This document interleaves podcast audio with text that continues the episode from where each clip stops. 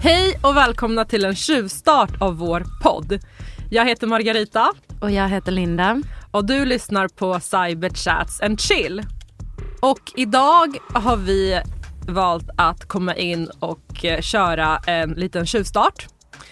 Då det har varit så mycket uppståndelse i media, eller hur Linda? Mm, ja men verkligen. Och vi tänkte att vi ville köra en liten eh, avsnitt av vad är det som händer? Men vi vill inte kommentera egentligen själva händelsen utan förklara så att de som läser media och nyheterna kan förstå lite bättre. Precis, och den händelsen som det har rapporterats om väldigt mycket det är ju en cyberattack mot Tieto Evry. Och eh, då har folk frågat oss, men eh, vad betyder det? Vad är det som har hänt? Vilka är det? Det tänker vi inte gå in på. Mm. Men vi tänker gå in på ransomware, själva cyberattacken och kanske förklara lite vad det är. Ja, och vad som menas med själva begreppet. Precis, och kanske vad man ska tänka på och vad man inte ska göra. Mm. Ska vi börja? Vi kör. Mm. Så då blir det ett poddavsnitt om ransomware. Vi börjar med vad är ransomware? Spänn säkerhetsbältet. Spänn rans. Vad är då ransomware? Kärt barn har många namn brukar man ju säga. Det benämns även för utpressningsprogram. För kriminella kan utpressa en på pengar. Man ser också att det kallas utpressningsvirus. Vi har också sett utpressningstrojan. Det kallas även för gisslanprogram för den tar någonting som gisslan. Men kort och gott, ransom, det är ju engelska för lösensumma. Och where, det är ju kort för software, det vill säga mjukvara. Så det är alltså en mjukvara som vill ha en lösensumma, mm. skulle man kort kunna säga. Och en ransomware-attack är ju då en typ av cyberattack helt enkelt. Mm. Och som du sa, det finns ju många olika benämningar och man kan ju se när man läser till exempel olika typer av nyhetskällor att det benämns lite olika mm. beroende på vart man läser. Så att nu vet ni. Mm. Så det många benämningar för egentligen samma sak. Mm. Mm. Och det här är ju också något som vi nämnde i vår teaser.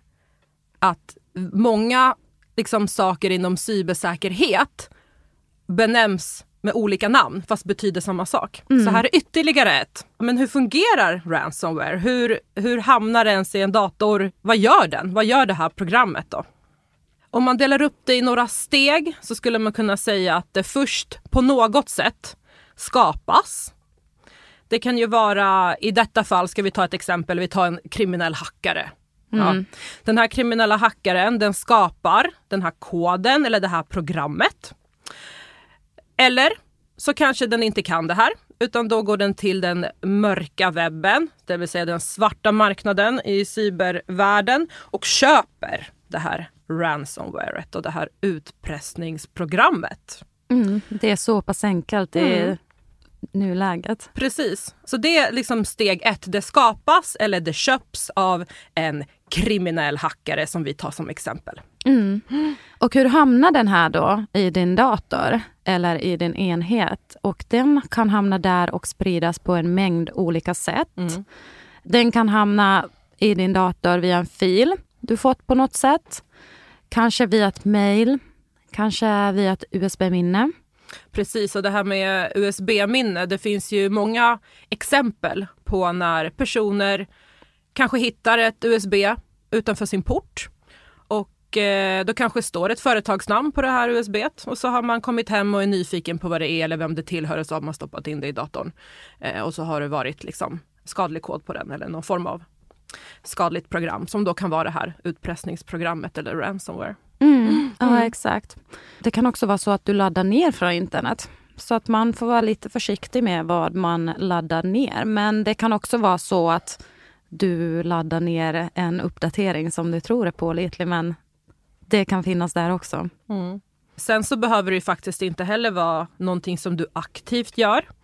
Ransomware det kan ju hamna i din dator via ett nätverk eller det nätverket du sitter på. Så det kan ju vara att den här skadliga koden eller skadliga programmet sprider sig i det nätverket eller de datorerna som finns där du finns. Och det här är väldigt kort bara sidogrej att det här kallas ju för en mask. Man har ju hört det förut, datamask. Används ofta när man pratar om sådana här typer. Och den använder helt enkelt sårbarhet i operativsystem för att kunna sprida sig mellan de här datorerna. Så det behöver inte vara du som har fått utpressnings utpressningsviruset från första början. Mm. Mm. Och när det här händer så låser det här utpressningsprogrammet, eller då ransomware, tillgången till ett program eller data på din dator med en så kallad krypteringsnyckel. Och det här innebär alltså att du som användare inte kommer åt programmet eller datan längre. Den är alltså låst. Precis, och då tänker man ju så här, okej, okay, i teorin så behöver ju du då som har blivit utsatt för det här ransomware. Du behöver ju en annan nyckel för att kunna låsa upp den datan eller det programmet som är låst. För att få tillgång till dina program eh, igen, som vanligt igen då. Mm. Och då kallas ju det här för dekrypteringsnyckel.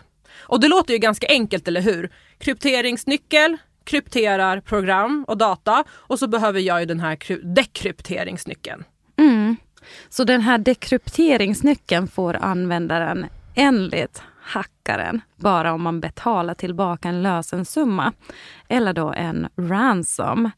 Och de säger då att normalt måste du kanske betala in elektronisk kryptovaluta som kallas för bitcoin. Och det här är för att det är lättare att vara anonym när man använder bitcoin eller det är svårare att spåra kryptovaluta. Men hur är det då? Är det bara så enkelt att du betalar och får tillbaka dina, din data? Det hade ju varit skönt ja. om det var på så sätt.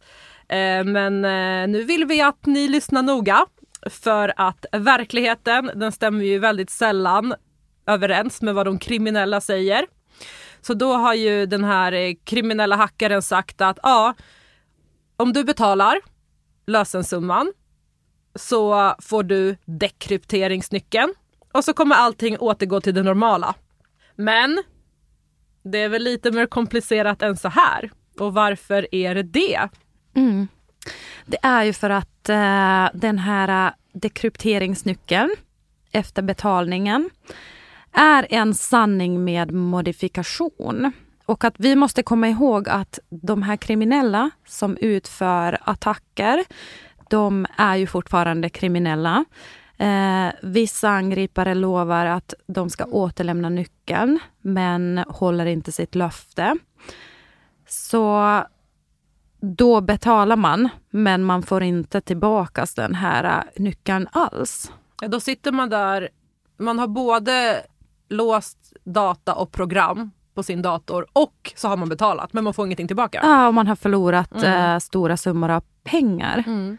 Men det kan ju också vara så att i andra fall så vill den här kriminella hackaren då ge dekrypteringsnyckeln. Men även om du fått tillbaka informationen så kan den ju faktiskt redan ha läckts, sålts vidare eller vara intakt och då kan det ju betyda att du bara får tillbaka en viss del av den eh, datan eller informationen eller de programmen som var låsta.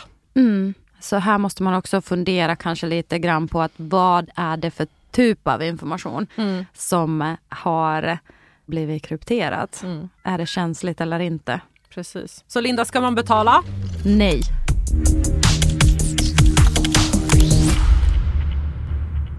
Man ska inte betala. Varför? Ja, jo, det är för att det finns mycket olika konsekvenser av att betala. Mm. Dels för att då visar du att du är villig att betala mm. och de kanske vill göra det här igen mot dig. De, du visar att okej, okay, jag har pengar, jag betalar och de tänker oj vad enkelt. Ja men då, då kör vi det här igen. Mm. Och jag tänker ju också att eh, som vi sa innan, ofta får man inte ens tillbaka all information eller den datan man hade fått krypterat. Eh, och i värsta fall som du sa, då får man ingenting alls. Mm. Mm. Och det är ju också så här att när man betalar till kriminella så ska man komma ihåg att de här pengarna går till kriminella. Mm. Så man bidrar alltså då till olika typer av organiserad kriminalitet och man har ingen aning om vad de här pengarna används till. Mm. Så att det kan vara allt ifrån andra typer av eh, IT-attacker till terrorism, människohandel, allt möjligt. Så att aldrig betala.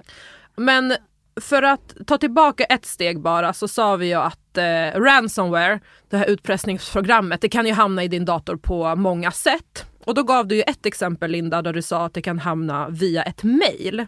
Mm. Vad, eh, vad är den vanligaste metoden då när det handlar om mail och så?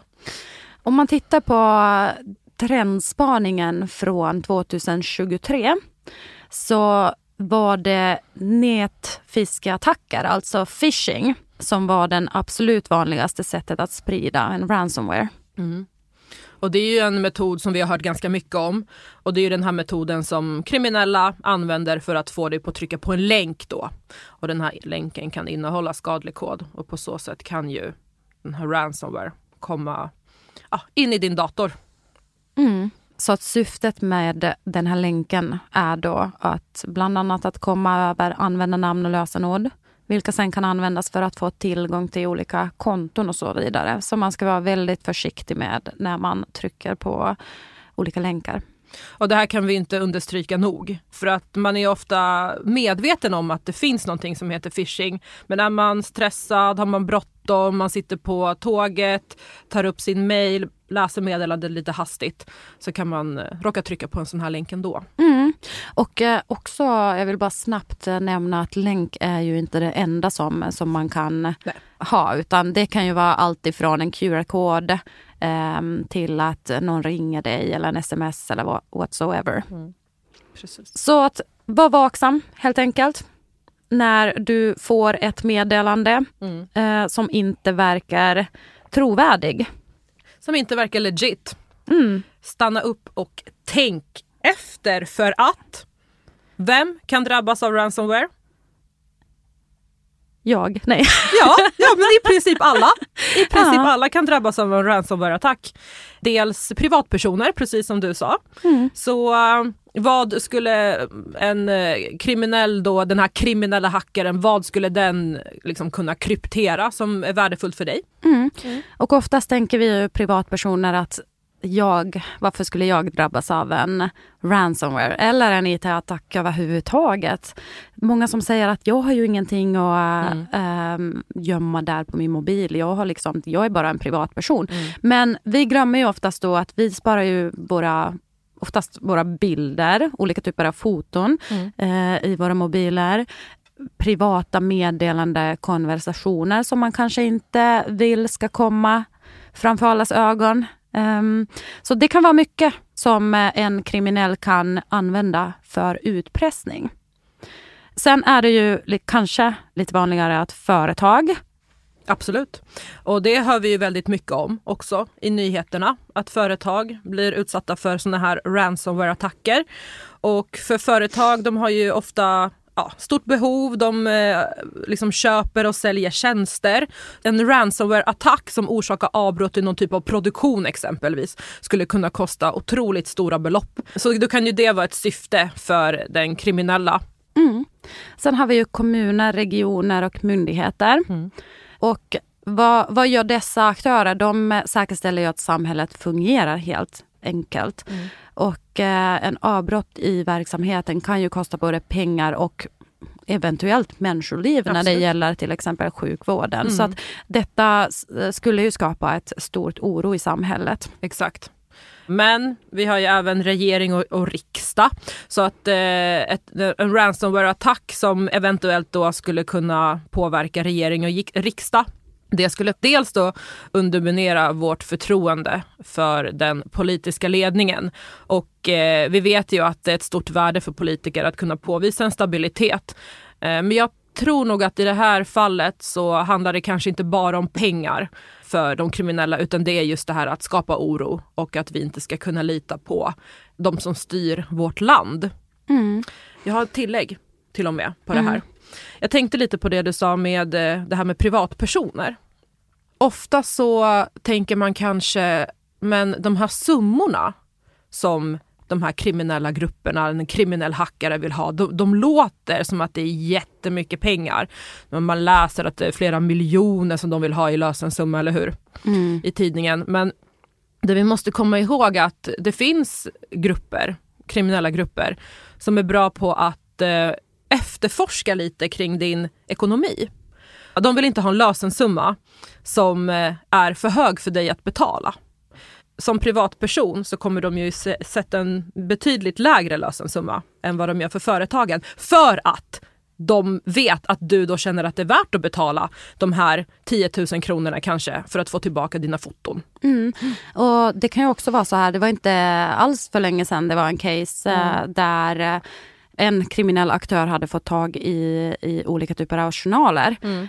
Men den här utpressningen gjorde man mot de här privatpersonerna mm. som, som, alltså vilka journalerna fanns där. Mm. Så att då var ju inte själva liksom eh, utpressningen bara mot Precis. själva myndigheten eller organisationen som hade de här journalerna utan mot alla privatpersoner som, som hade till exempel, här handlade det om just eh, en psykologmottagning. Mm. Och då gick ju den här kriminella aktören mot privatpersoner och sa att hej jag har tillgång till alla dina journaler.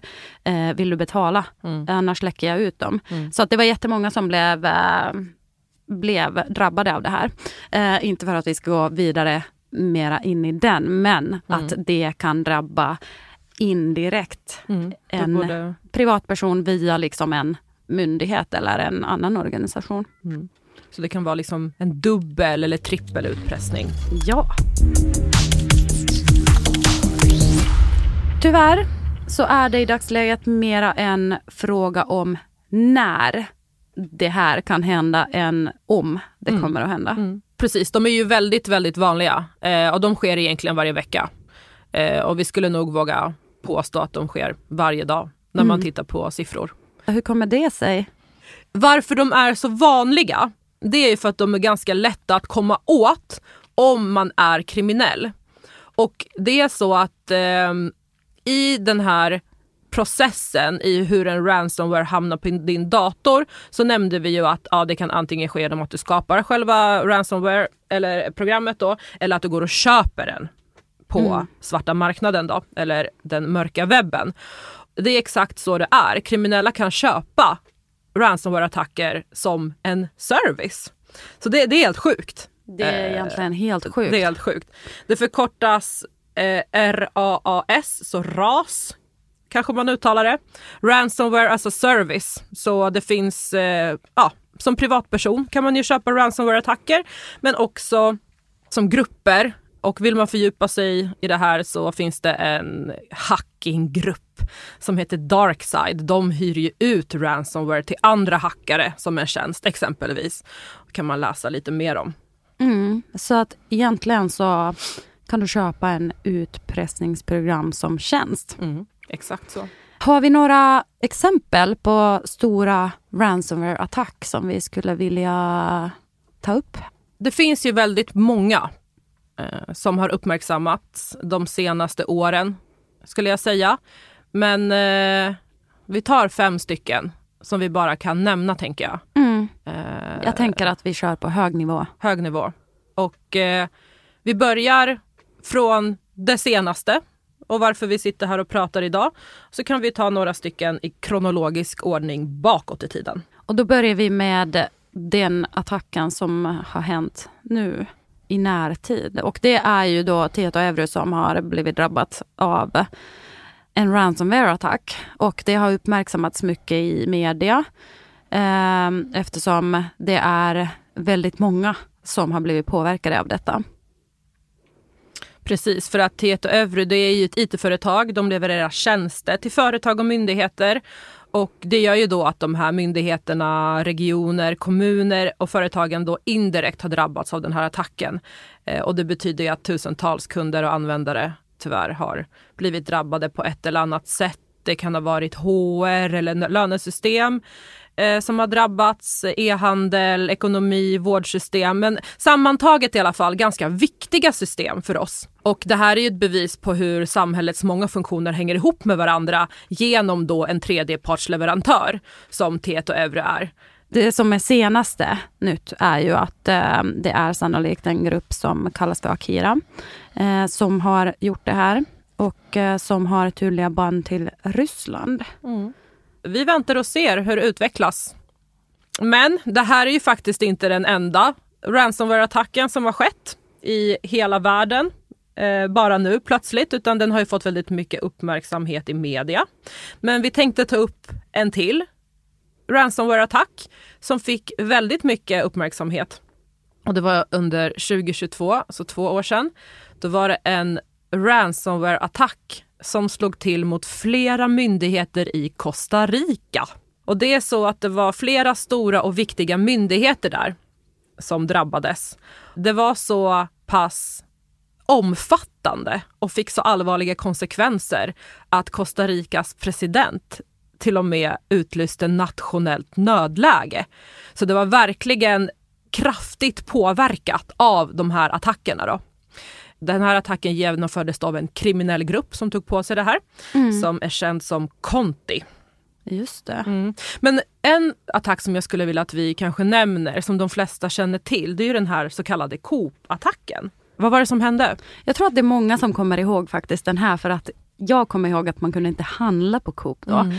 De eh, var tvungna att dela ut mat gratis för att de kunde helt enkelt inte sälja den. Mm. Men det som hände var 2021 så kunde Coop plötsligt inte använda sina kassasystem för att de hade blivit utsatta för en ransomware-attack. Mm. Men vad många kanske inte vet om att det här var på grund av en större cyberattack. Så det var inte direkt mot Coop. Mm. Och det är inte många som vet om det för att eftersom media kallade det för Coop-attacken så tror många att det var just Coop som var antagonisten eller den här eh, kriminella verksamheten ville komma åt. Men så var det ju inte, eller hur? Nej, nej, det var inte liksom alla ICA-hejare som ville mm. komma åt.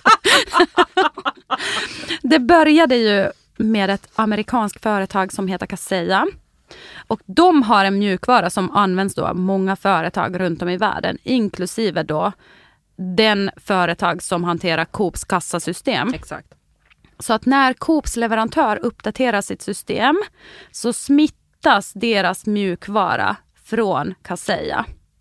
Så det var alltså inte en attack riktad specifikt mot Coop utan en del av en mycket större attack som påverkade över tusen företag över hela världen. Så mm. i princip är det då Coops leverantörs leverantör som blev drabbad. Exakt.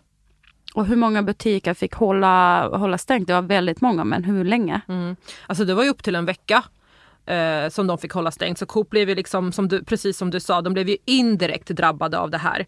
Så att man behövde återställa alla kassor manuellt och det här kan ju ha ekonomiska följder såklart. Mm. Och det är ju ganska likt ändå Tieto som också är en tredjepartsleverantör. Mm. Precis som Kaseya var då. Ja. Ja, exakt. Eh. Och du har ju en favoritattack, om man kan säga så. jag har en attack jag tycker är otroligt intressant. Den eh, påverkade inte nödvändigtvis Sverige. Men eh, det var en attack som uppmärksammades otroligt mycket i USA.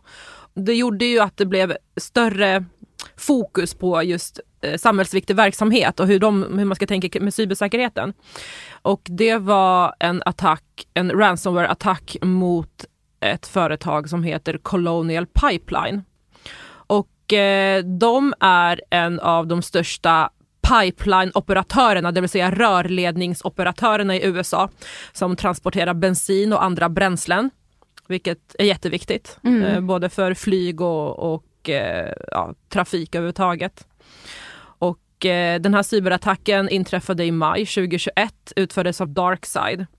Och eh, på grund av den här attacken då, så blev det ett tillfälligt stopp i den här driften och eh, det blev kaos mm. helt enkelt. För inom loppet av några timmar påverkades alla de här bränsleleveranserna. Några dagar därpå så sköt bensinpriset i höjden. Eh, mackar stod tomma, det fanns liksom, det blev bränslebrist i, i stora delar av USA. Oj. Eh, det här var ju ett privat företag så de eh, betalade faktiskt lösensumma. Jag vet inte exakt vad som hände efter det, om de fick tillbaka delsen av den här lösensumman när eh, myndigheterna gick in. För att liksom, lösa problemet. Men den här händelsen i alla fall belyste sårbarheten hos just samhällsviktig verksamhet och betydelsen av cybersäkerhet kring det. Och det har gjorts väldigt mycket arbete efter den här cyberattacken i USA. Mm. Just det. Men, men det finns en sista vi tänker nämna och den av de kändaste och också otroligt intressant. 2017 eh, så var det ju en annan stor ransomware-attack och den kallas för WannaCry. Och det var en global attack som infekterade över 230 000 datorer i 150 olika länder. Det här hände 12 maj 2017. Så den snabba spridningen av WannaCry orsakade betydande störningar i flera olika sektorer inklusive sjukvård, finans och transport. Så det var väldigt betydlig eh, attack kan man säga. Så det tål att tänkas på. Så att det här med Tieto Evry, det är inte den enda attacken som har skett som har att göra med ransomware, utan det, har, det finns andra exempel också. Mm. Avslutningsvis då så ställer man sig ju kanske frågan, men vad kan jag göra för att inte drabbas av ransomware? Och jag skulle kanske säga att det är ganska svårt att helt utesluta att bli attackerad. Mm. Mm. För att jag menar, vi sa ju tidigare då att eh, attacken kan ju spridas via andra i ditt nätverk eller via en leverantör till ett företag. Mm. Mm. Men kan man göra något? Det kan man. Mm. Det kan man. För du kan ju aldrig ta bort risken, men Mm. du kan försöka minimera den. Mycket bra. Och det du kan göra, väldigt viktigt, Mm. är att regelbundet uppdatera. Mm. Så att om du uppdaterar din dator och mobilenhet så att du alltid använder den senaste uppdateringen så innebär det ofta sannolikt att du har viktiga rättningar på sårbarheter på plats. Mm. Och jag menar kopplat till det du sa innan så ska man vara försiktig med nedladdningar. Så ladda inte ner filer utan eftertanke. Gällande det här med USB-enheter Mm. så äh, ska du ansluta bara pålitliga USB-enheter till din dator. Sådana Mm. som du litar på. Så att om du hittar en USB-enhet någonstans ifrån, du har ingen aning om varifrån den kommer. Testa inte den. Nej. Testa inte, var inte så nyfiken. Exakt. Men vad mer kan man göra? Man ska ju alltid vara försiktig med okända webbplatser. Och det kopplar ju tillbaka till det här med att ladda ner. Alltså ladda inte ner program eller filer från en plats på internet som du inte känner tilltro till. Verkar det lite shady eller konstigt så ladda inte ner någonting därifrån heller. Och då kan man vara lite försiktig med också att ansluta sig till publika wifi-nät. Mm, till precis. exempel i olika kafeterier och sånt. För att man vet inte hur de är skyddade. Precis. Och då kopplat till just det här tipset då, att man inte ska ansluta sig till publika wifi-nät så är det många som frågar, ja men eh, då kan jag ju använda VPN. Eh, och då är ju frågan, vad är VPN och eh, skyddar det verkligen mig från ransomware-attacken? Det gör det ju tyvärr kanske inte. Eftersom VPN är en virtual private network. Alltså den skapar ju en skyddad eller en krypterad tunnel mellan din dator och exempelvis webbplatsen som du besöker på internet. Så att VPN krypterar trafiken i den här tunneln. Och då blir det med andra ord svårare för andra att se vad du gör.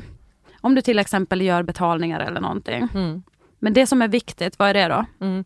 Ja men precis, så att precis som Linda säger, en VPN skyddar ju inte mot virus eller mot dåliga lösenord. Liksom. Det är inte ett allomfattande skydd mot olika typer av cyberhot, utan man kan säga väldigt förenklat att det är ett verktyg för att skydda dig och ditt så kallade online privatliv. Kanske man skulle kunna säga. Ja, det där var jättebra sagt. Mm. Och som sista förslag då, Mm. det är att tänka på att säkerhetskopiera. Mm.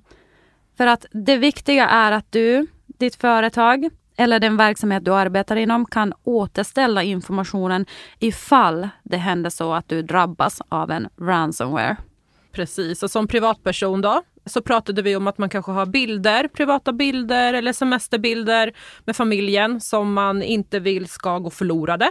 Och eh, då tänker man, ja men vad ska jag göra med dem? Vad betyder det att säkerhetskopiera? Jo men så här, man kan faktiskt spara dem på en hårddisk som inte är ansluten till datorer eller internet, så en extern hårddisk. Och på det sättet så säkerställer du ju på ett sätt då att du kan få tillgång till de här bilderna eller till information eller dokument även om just din dator drabbas av en ransomware-attack. Mm. Mm. Jättebra tips.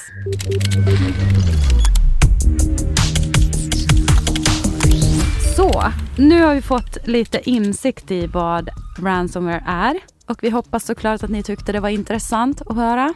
Avslutningsvis vill vi bara påminna om att det var en liten tjuvstart med det här avsnittet. Glöm inte att lyssna på vårt första riktiga, skulle man kunna säga, avsnitt med Pia Gruva som släpps den 12 februari. Vi hörs snart igen.